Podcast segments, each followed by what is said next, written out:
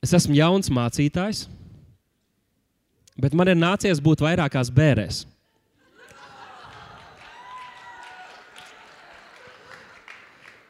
Jūs jau zināt, bērns no bērniem tā gluži neatšķiras. Aptuveni aizņem 40 minūtes. Savējie sapratīs, pasakādam, savējie sapratīs. Tikai savējie. Aizgājušajās nedēļās Dievs caur savu vārdu centās mūs atgriezt realitātē. Jo kādreiz mēs sākam dzīvot pa mākoņiem, tādā ideālajā pasaulē, bet uh, rītdiena nevienam nav apsolīta. Un nāve kādam skumja, biedējoša, kādam citam prieku atnesoša, bet tomēr tā ir realitāte, ar kuru mēs visi kādu dienu saskarsimies. Un Tādēļ šie lielie jautājumi, kur Dievs aizved mūsu draugu, tā izaicinot mūs dzīvot aktīvi šajā laikā, ir vai tu esi gatavs sastapties ar savu glābēju. Jo mēs viņu satiekam katru svētdienu šeit, bet tu zini, ka iespējams nedaudz vairāk būs jāpadomā par to, vai esam gatavi. Ja tu saproti, ka tas nebūs šeit, draudzē prieka vēsts, maigajās telpās, bet dieva troņa priekšā, burtiski fiziski redzot viņu vajag vaigā. Un vai mūsu līdzcilvēki ir gatavi?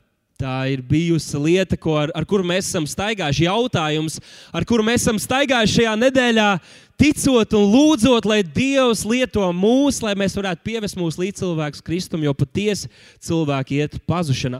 Un šodien es vēlos turpināt uz šī viļņa, ja tā drīkst teikt. Uh, mūsu mācītājs ir Vilnis, bet uh, uz šī paša viļņa es gribu turpināt, bet atvērt šo tēmu nedaudz plašāk. Jo droši vien, ka jums tas nav nekāds noslēpums, ka šī pasaule jūg prātā šī pasaule, kurā mēs dzīvojam, jūg prātā, šajā pasaulē ir juceklis. Iespējams, ka tās nosaukšu dievkalpojumu juceklis pasaulē.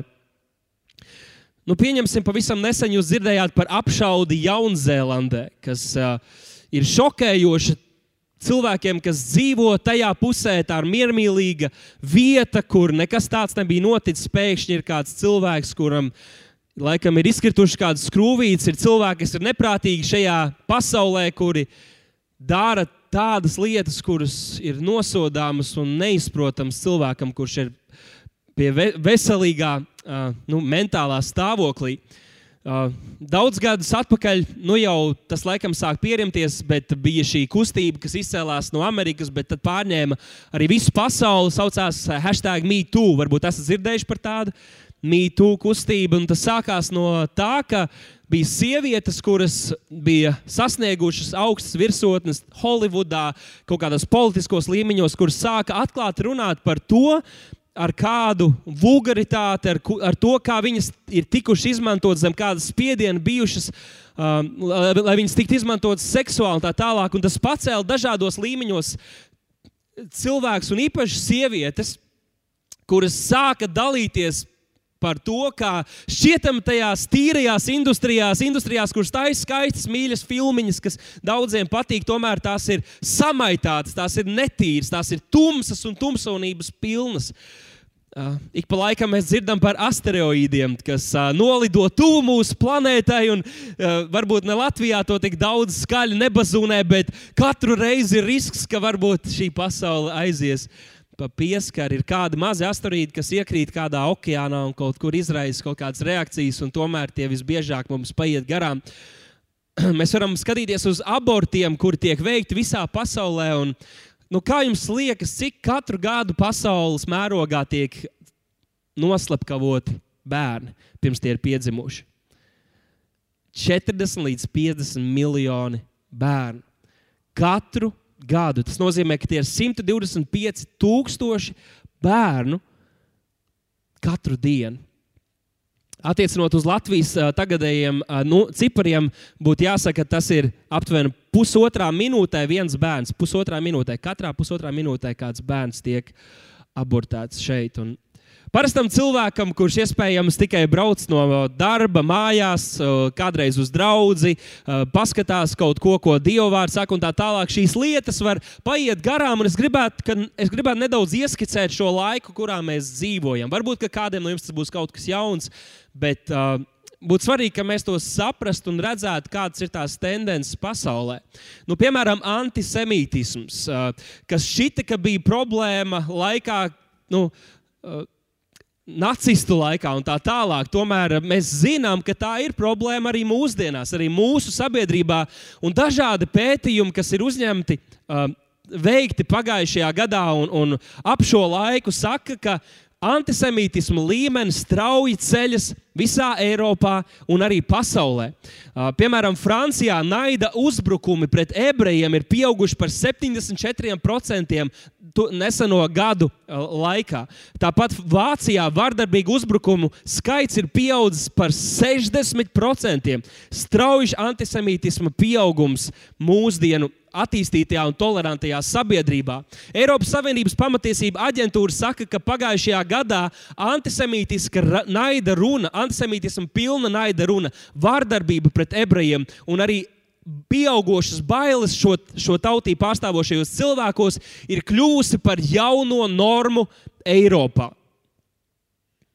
Nu, mēs varam paskatīties uz politisko situāciju ne tikai Latvijā, bet arī pasaulē kopumā. Arī tur mēs redzam, ka antisemītisms, atklāts antisemītisms kļūst aizvien populārāks. Mēs zinām, ka tas ļoti skaidri mums ilustrē, ka mēs dzīvojam pēdējās dienās. Naids pret ebreju tautu, pret, pret, pret šiem cilvēkiem un neiecietība pret to, ka viņiem ir kāda zeme, ir kāda vieta, kur tie drīkst dzīvot.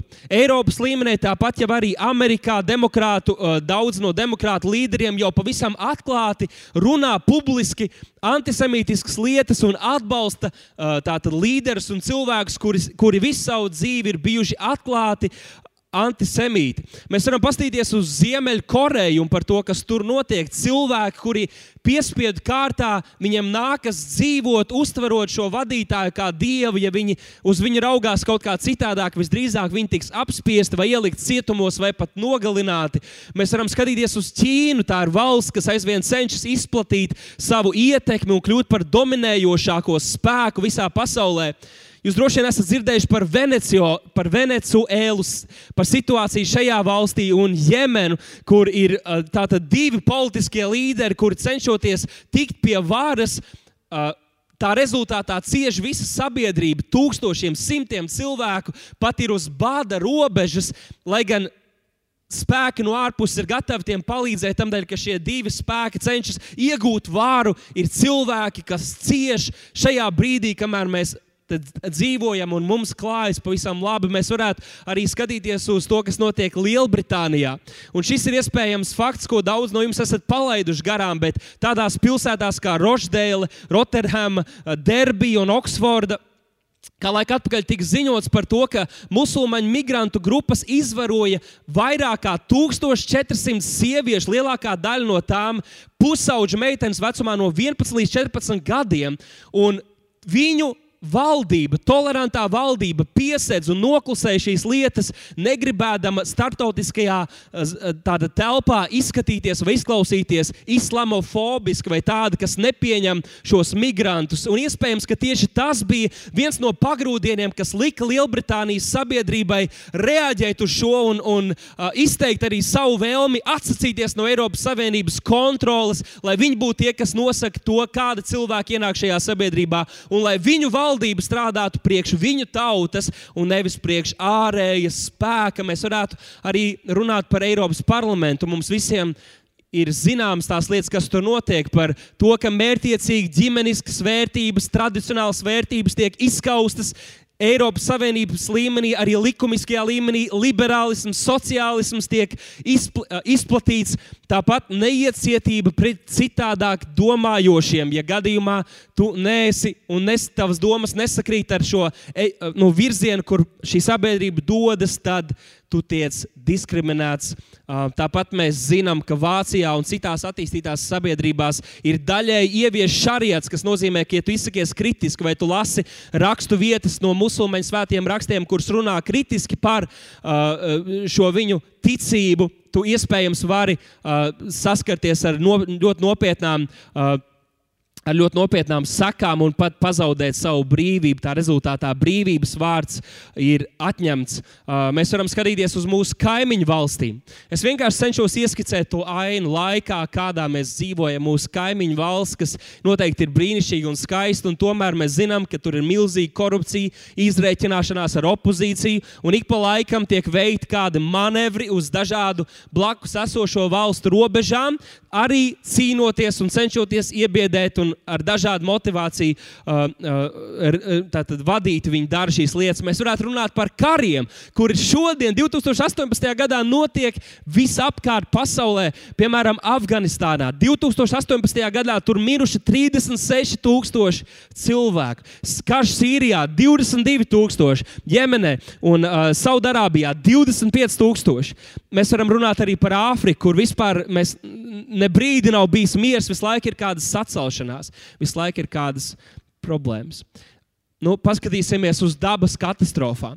Dabas katastrofas visā pasaulē pēdējo 20 gadu laikā dabas katastrofas pasaulē radījuši, tr, radījušas 3 triljonu dolāru zaudējumu. Triljons rakstās ar 12 nulītēm. Tas ir milzīgas naudas. Laikraksts The Guardian apliecina, ka dabīgi izraisītas dabas katastrofas notiek aizvien biežāk, lai gan mirušo skaits samazinās. Es domāju, ka tas ir saistīts ar to, ka mēs esam spējīgi prognozēt, kad šīs lietas notiks un sagatavoties tām. Mazliet, lai mums būtu ieskats tajā, kas notiek. 2018. gadā, tas ir pagājušajā gadā, Jaungvinējā zemestrīces rezultātā mīra 145 cilvēki. Ziemeļkorejā plūdu rezultātā 151 cilvēks.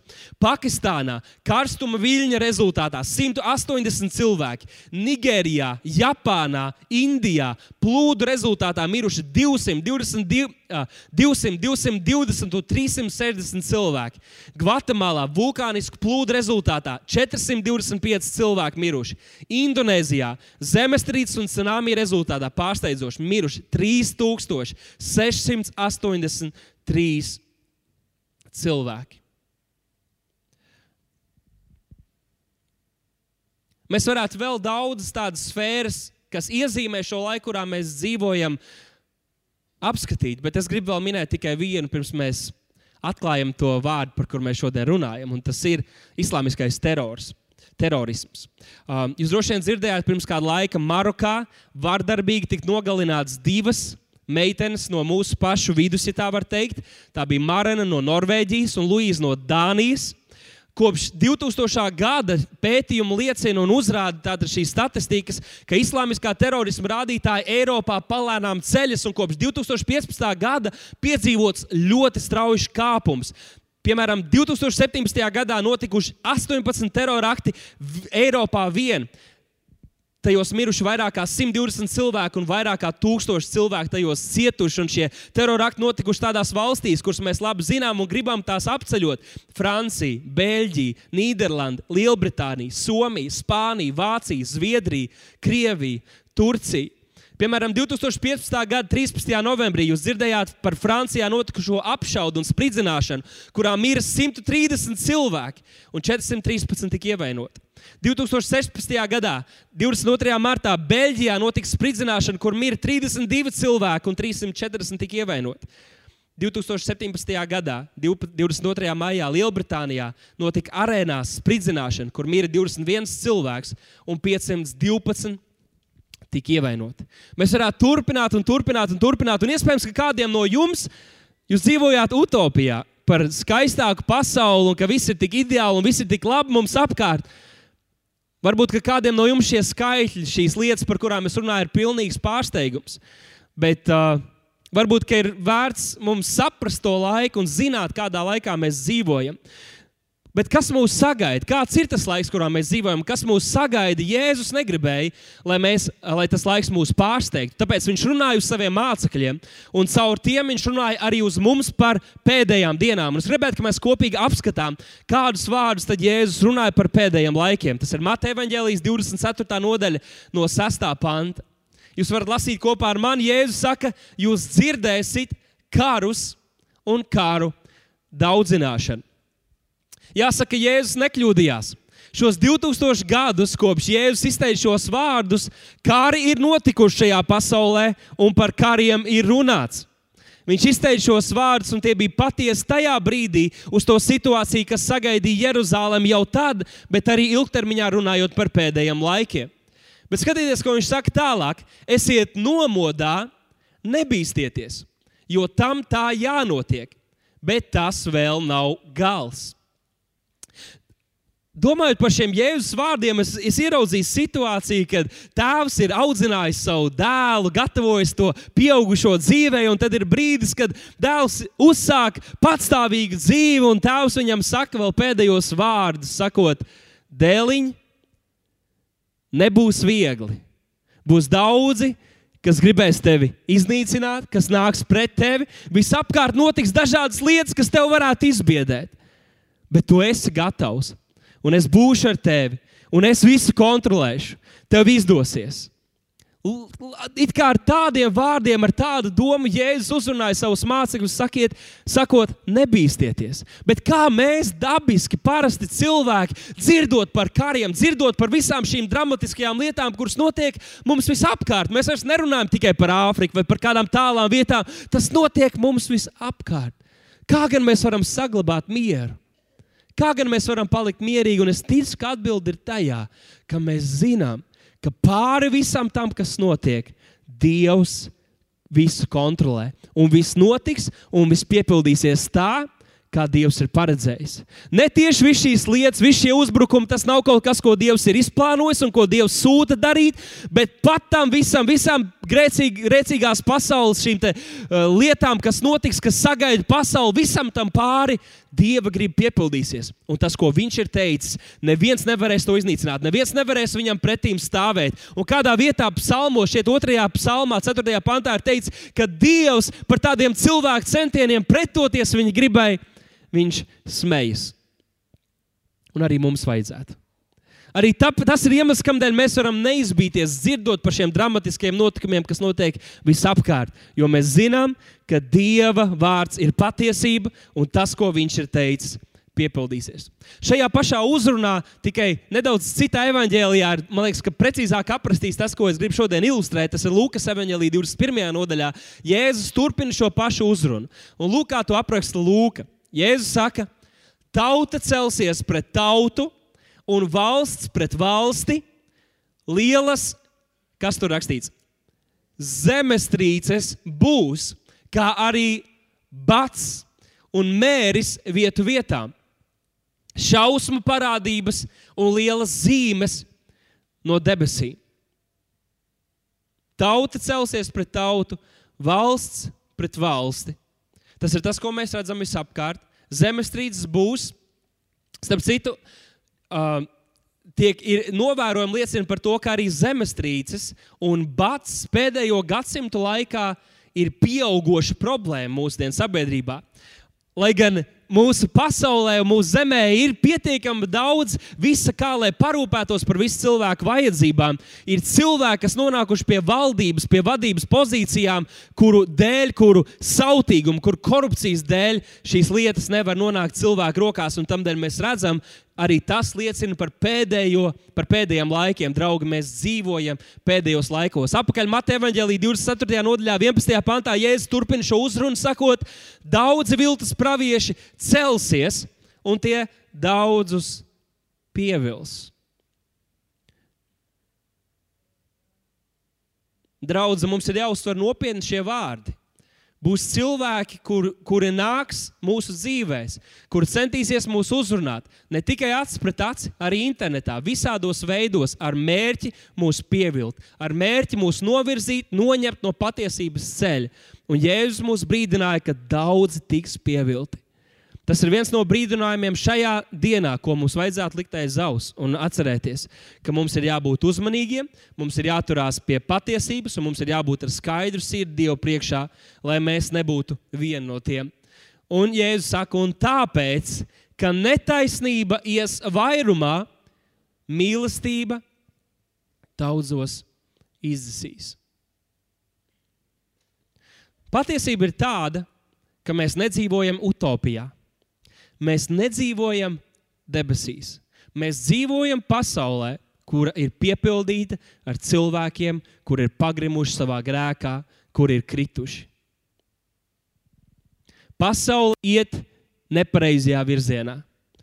Tāpēc tas nav tas kuģis, kurā mēs vēlamies dzīvot. Tāpēc tas nav tas kuģis, ar kuru kopā mēs vēlamies plūst, jo tā gala beigās aizies un tiks pazudināta.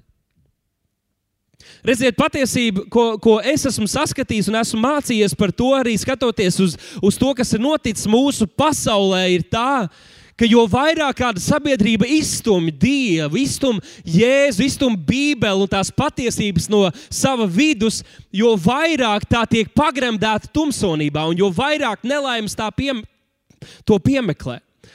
Nu, piemēram, Amerikas Savienotās valsts, mēs zinām, ka tās tika radīts, tā tika izveidota uz bibliskiem pamatiem. Visi Amerikas Savienības tēvi, kas to izveidoja, bija dievam nodevušies Bībeli mācoši cilvēki. Viņa konstitūcijā un mācībā ir iekļautas lietas, viņa vēsture ir pilna ar vīriem, kuriem slavu deva dievam un pamatoja savus lēmumus un izvēles uz to, kas Bībelē ir rakstīts. Tas ir iemesls, kādēļ Amerika kļuva par augošāko un spilgtāko ekonomiku un iespaidīgāko, dominējošāko valsti pasaulē, jo tā tika būvēta uz pareizajiem pamatiem. Bet laika gaitā pretēji spēki ir pārņēmuši šo, šī, uh, visas šīs, nu ne visas, bet daudz no šīm varas institūcijām.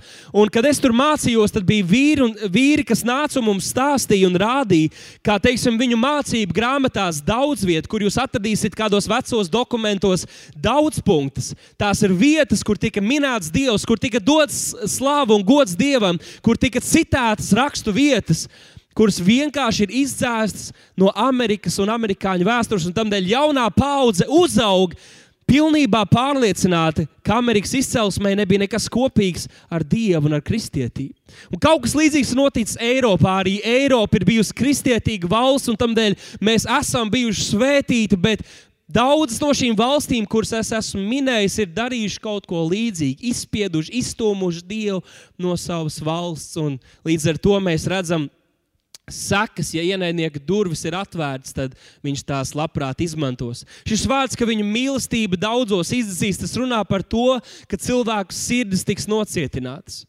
Mīlestība izdzīs, tas runā par to, ka, mūsu, ka ne mūsu, bet daudzu cilvēku sirdis tiks nocietināts. Un tas notiek pamazām. Tas nenotiek uzreiz, tas nav stāvoklis, kādā ir daudz sabiedrības un cilvēku, bet tas notiek pamazām. Un tādēļ tas ir viens no tādiem sos saucieniem mūsu laikā, vēl pirms tas ir noticis, pirms mūsu sabiedrība ir novērsusies pagalām no Dieva virzienā, kurā daudz, daudz cilvēku dodas, viņu sirdis ir atvērtas evaņģēliem, viņu sirdis ir atvērtas dievam. Mēs dzirdam liecības par to, mēs paši to redzam, un mums ir jāizmanto šis laiks, un Dievs grib lietot savu draugu. Trīs M - mīlestība, māceklība, misija, lai šajās pēdējās dienās, kurās mēs dzīvojam, mēs izglābtu tos, kuri var sadzirdēt evaņģēlīju, kuri var sadzirdēt un atsaukties viņam. Es zinu, ka šis iesākums nav tas glaimojošākais, un es redzu, ka kādiem varbūt tas nevisai patīk. Bet es zinu, ka mums par to ir jārunā. Bet šodien es gribu nedaudz pieskarties tam, kas notiek mūsu zemē. Kas notiek mūsu zemē? Jā, mums ir varbūt slikti ceļi. Varbūt, ka zima ir ielgusi pārāk ilgi. Ir kādi skandāli nelieli, kas notikuši mūsu zemē, un arī korupcija par to mēs dzirdam. Ir kāda šobiznesa, eh, kādas skandalozas šobiznesa zvaigznes, par kurām šķietam visa sabiedrība interesējas un ir sašutumā, bet mēs esam svētīta zeme. Mēs esam svētīta zeme. Ir daudz cilvēku mums apkārt, kas ļoti skeptiski un pesimistiski raugās uz to, kas notiek mūsu zemē un kas te ir iespējams. Man patīk, kā laika atpakaļ es Facebookā redzēju, kāds neticīgs puisis bija padalījies ar, ar tādu postu, ko daudz bija nošērojuši. Tur bija rakstīts um, aptuveni kaut kas par to, ka ir daudz cilvēku, kas šūmēs, kam kaut kas nepatīk. Un, nu, jums ir tiesības uz to, bet man patīk šī zeme, man te ir ļoti labi. Un, uh, nu, lai jums izdodas pārējiem, es esmu priecīgs priecīgs dzīvot Latvijā. Diemžēl ir maz tādu cilvēku mūsu sabiedrībā, kas raugās ar šādām acīm uz zemi, kurā mēs dzīvojam.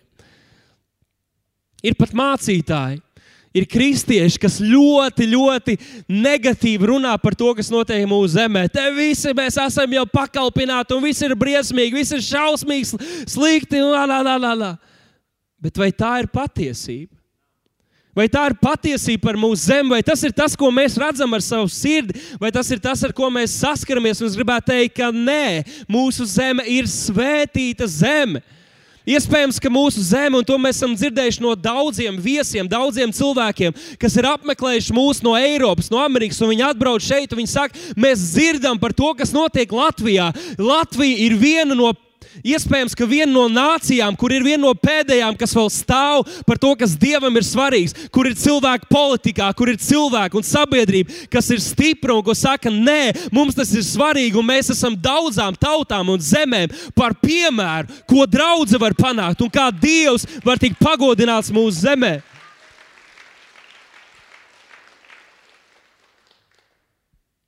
Ja mēs apskatītos uz Eiropas šo karti kopumā, un mēs atzīmētu visas šīs dramatiskās lietas, kas notiek, jūs pamanītu vienu lietu, ka mūsu mazā mīļā zemīte ir gan arī vai kā tādu, kā tāda miera saliņa. Tā kā ar aizsarga vilni, ar aizsarga žogu apkārt, it kā Dievs to būtu īpaši paņēmis savā apsardzībā. Un es nedomāju, ka tas ir kaut kas, ko mēs varam uztvert pašsaprotami. Es ticu, ka te, te, tie ir mūsu ticības tēvi un mātes, mūsu vecāki, mūsu vecmātes, kur ir ticējuši, kur ir spējuši nodot šo ticības mantojumu nākamajām paudzēm. Un jā, varbūt mūsu valsts nav pilna ar mega draugiem, bet ir tik daudz cilvēku, kas tiešām tic Dievam, kas ir uzticējuši savas dzīves Dievam. Ir draugs visā Latvijā, kuras ceļās un ceļ, kuras gadiem ilgi ir lūguši un stāvējuši. Un jā, ja varbūt mums pat nav visa saima un visa valdība, kristiešu pārstāvja pārstāvēta, un es pat nezinu, vai tam tā vajadzētu būt. Tomēr ir tauta, kur tic, kur lūdz, un mēs esam tie, kas mēs turam un turēsim savu tautu Dieva troņa priekšā.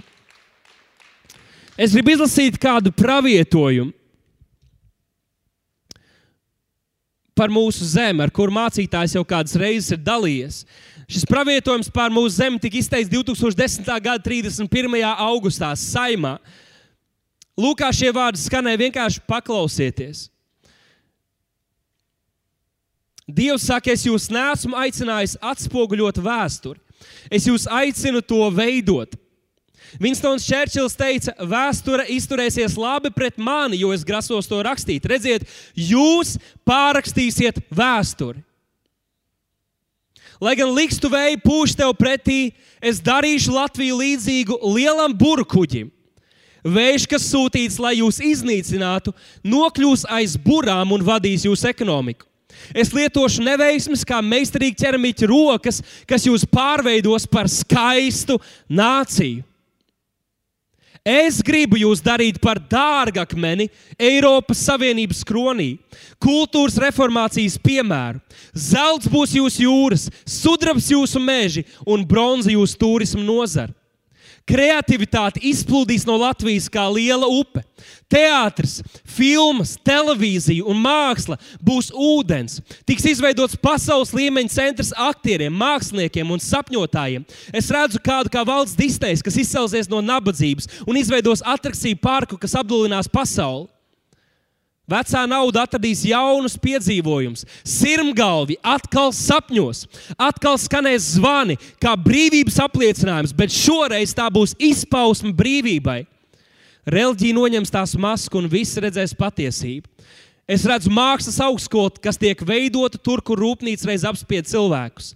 Pelēkais tiek aizstāts ar krāsu. Tā ir zīme jaunā laikmeta sezonai.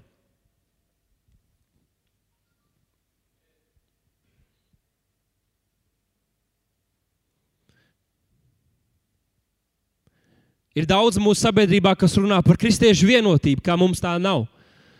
Bet lielākā daļa, kas atbrauc uz mūsu zemi, brīnās par to, cik mūsu kristieši, kristieši Latvijā ir vienoti. Mēs varam skatīties uz abortu rādītājiem. 2009. gadā Latvijā tika abortēti, mākslīgi abortēti 12,000 bērnu. Piedzima tikai 10,000. 2017. gadā šis skaits jau bija samazinājies uz pusi, tikai 6600. Ir pozitīvas tendences, ko mēs redzam mūsu sabiedrībā. Ir kaut kāda ietekme, ir kaut kāda rezultāta tam, ko Dievs dara, ko mēs darām. Lūkšanām, ko mēs lūdzam, ir rezultāts. Mūsu zeme mainās. Bet ko tad mēs varam darīt?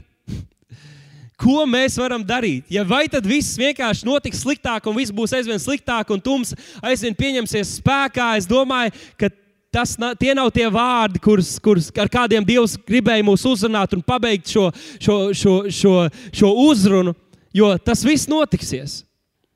Bet Jēzus kādā vietā teica, ka apgrēcībai gan jānāk, bet vai tam caur ko tā nāk?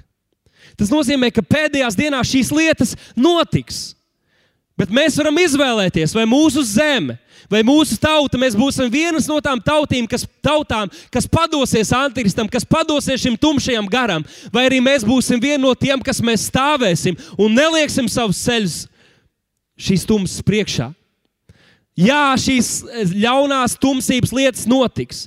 Bet mēs nebūsim tie, kas mēs palīdzēsim tām notikt. Mēs būsim tie, kas mēs līdz pēdējām savas dzīves dienām stāvēsim tām pretīm, un mēs redzēsim, kā mūsu tautā cilvēki piedzīvo glābšanu, kā viņi sastopās ar Jēzu, jo Jēzus ir viss centrā, un kamēr Jēzus būs mūsu zemes centrā, mūsu tautas vidū, Mūsu zeme nav norakstīta, un mēs spīdēsim. Un mēs būsim kā tāds kronis Eiropas Savienības priekšā, un mēs aizsniegsim, mēs spīdēsim, mēs iedrošināsim, mēs celsim draugus visā pasaulē.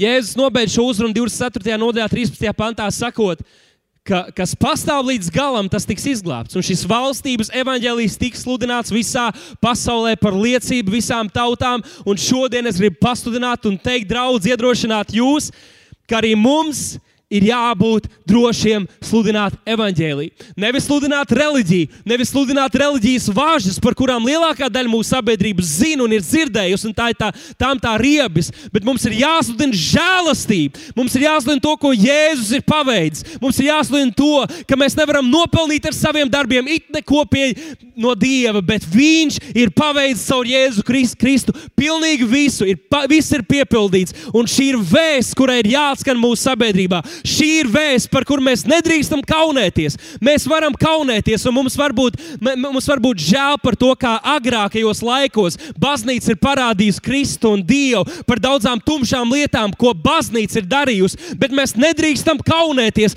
par to, kas mūs ir glābis. Mēs nedrīkstam kaunēties par žēlastību, kur Viņš ir parādījis. Un mums tā ir jāsludina šajā sabiedrībā. Jo patiesība ir tā, ka mūsu valstība ir juceklis, bet Dieva valstība ir pilnīga harmonija. Šeit tas viss ir juceklis, viss ir pilnīgi garām, bet mēs esam tie, kas mēs dzīvojam citā valstībā, un šo valstību mums ir jānes arī sabiedrībā. Jeremijas grāmatā Dievs runāja uz savu tautu, kur bija aizsūtīta jau tālu, tālu no savas dzimtenes. Un, uh, Būtībā viņi bija paverdzināti tur. Un Dievs uz viņiem runā tādus interesantus vārdus Jeremijas grāmatas 29. nodaļā.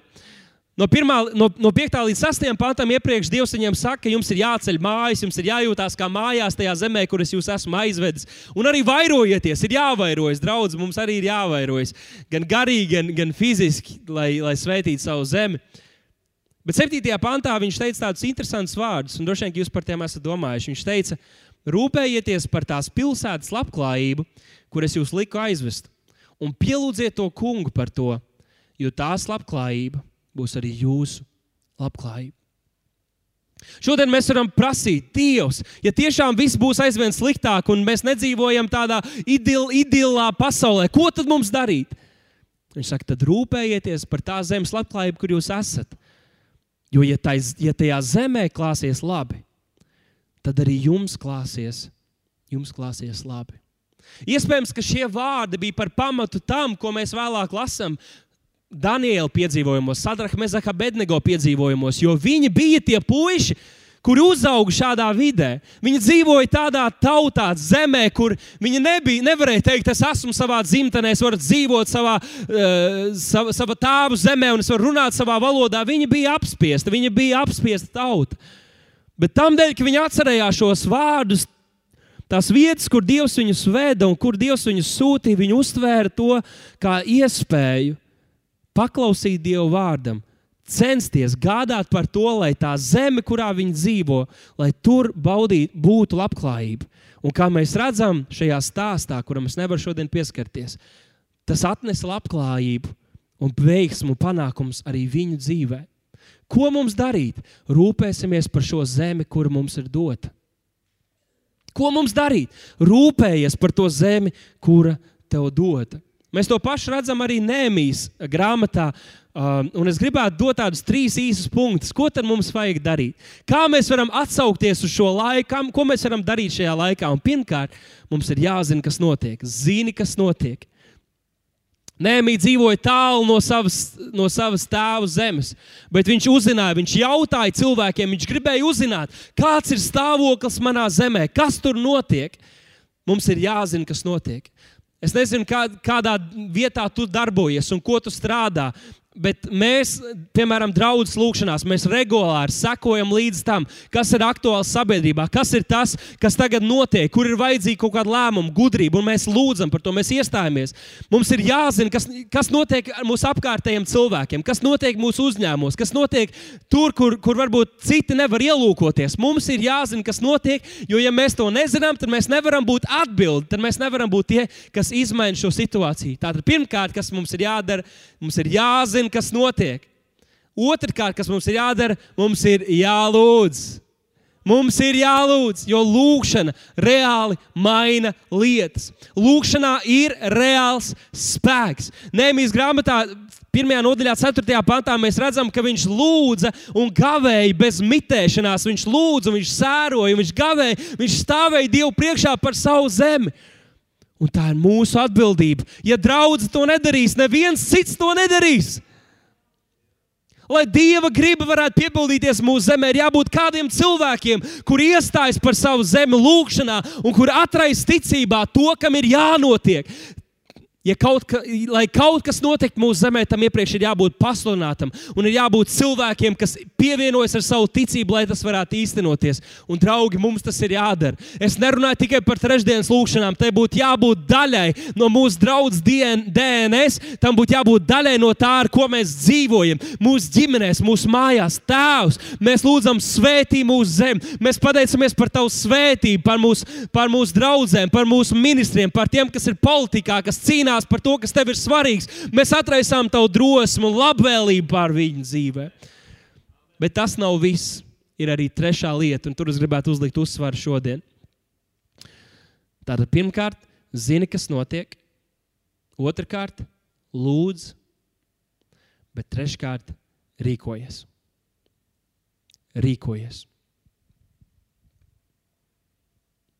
Ar lūkšanu nepietiek. Mums ir kaut kas jādara.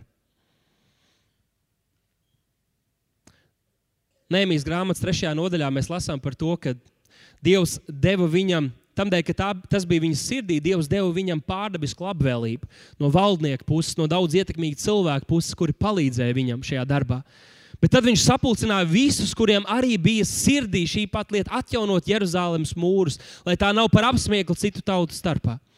Un tad mēs, mēs šajā nodaļā mēs, jūs varat mājās palasīt par to, kādi cilvēki tur darbojās. Un ļoti interesanti, ka tur nebija tikai mūrnieki, kas to darīja. Ik katrs, katrs, katrs, katrs tajā tautā, katrs, kam rūpēja, darīja to, ko spēja, darīja to, ko varēja. Bija zeltkaļi, bija kaut kādi puķu iekārtotāji, bija politiķi, kas tur gāja un strādāja un darbojās, un katrs darīja kaut ko, lai šī vīzija, lai šis redzējums par atjaunot Jeruzalemes mūru varētu piepildīties. Un es apskatījos šo nodaļu un es secināju, ka tur bija 52 dažādas cilvēku grupas, kuras tika pārstāvētas šajos darbos. 52 dažādas cilvēku grupas, kur visi uzlocīja savus piedurknes un pielika savu roku.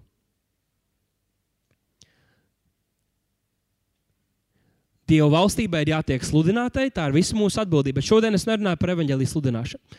Es runāju par to, ka mēs reāli ceļam un izplatām Dieva valstību zemes virsū Latvijā. Lai Kristus būtu kungs tajā vietā, kur ir tā ietekmes zona, tā ietekmes sfēra.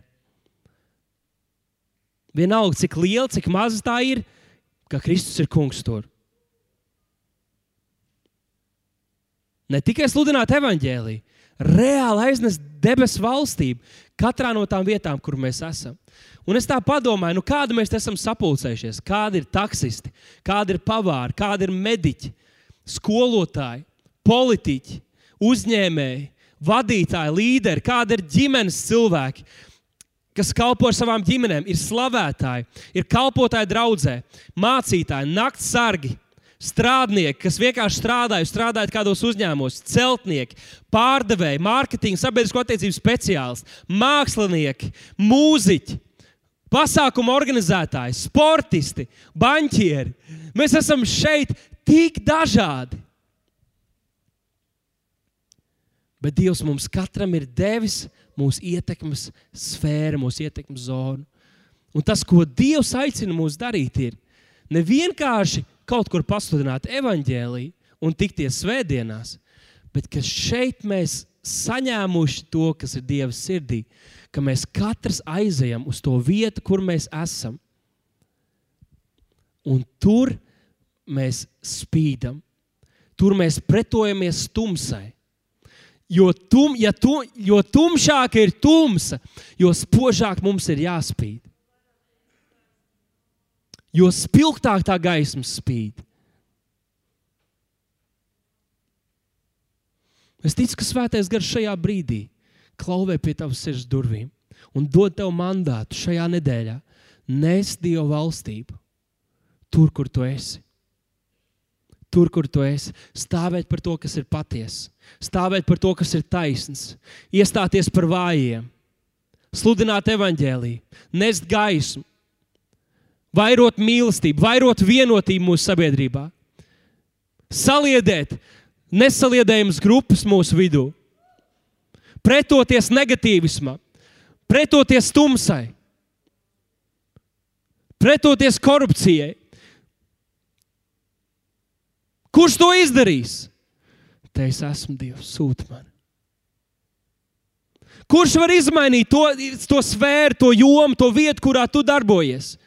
Tu vari. Tu vari. Un kad tu to darīsi, tas dos drosmu, ticību tiem, kas būs tev apkārt, kas arī paslēpjas, grib to pašu. Tu kļūsi par līderi. Mūsu zeme ir mūsu rokās.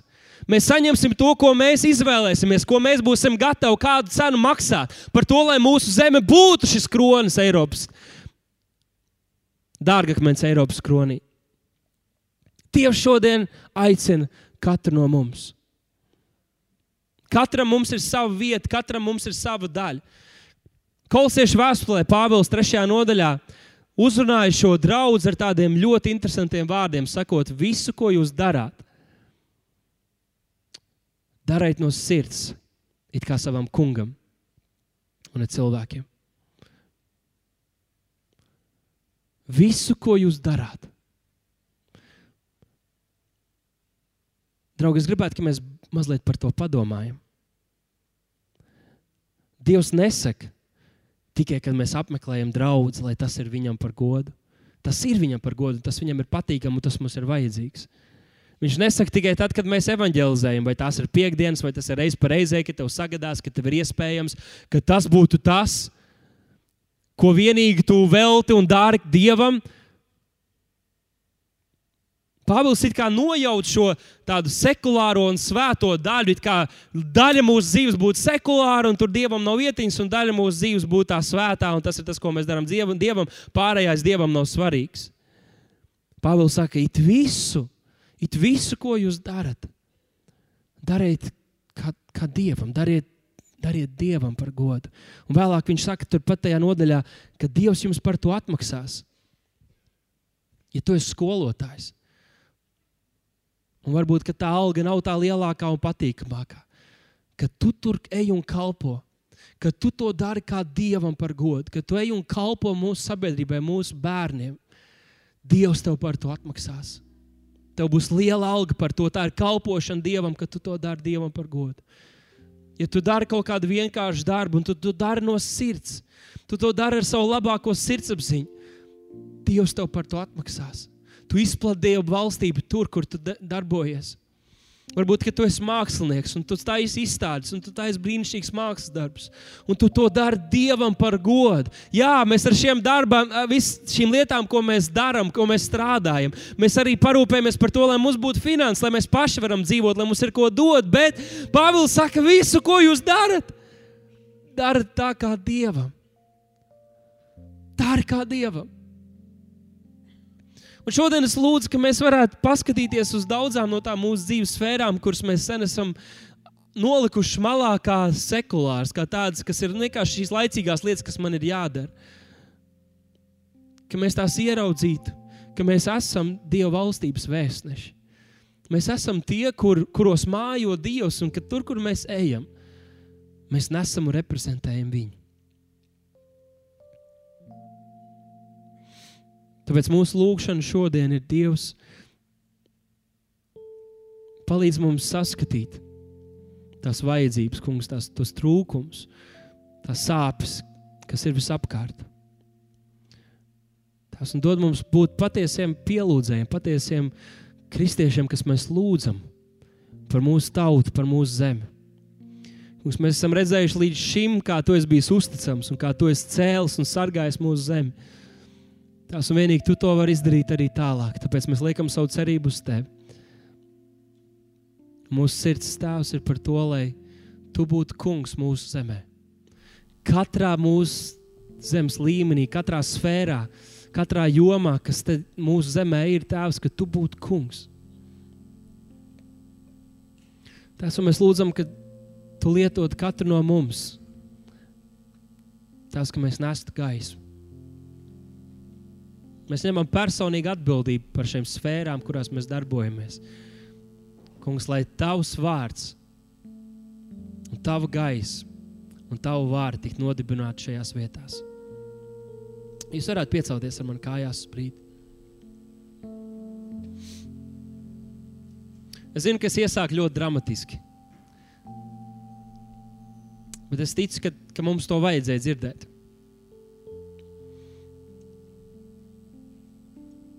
Jo pats no sevis viss paliks tikai sliktāk. Bet to, ko mēs esam darījuši, kā mēs esam bijuši uzticami, turpināsim to un darīsim vēl vairāk. Es zinu, ka es nesludinu neko jaunu.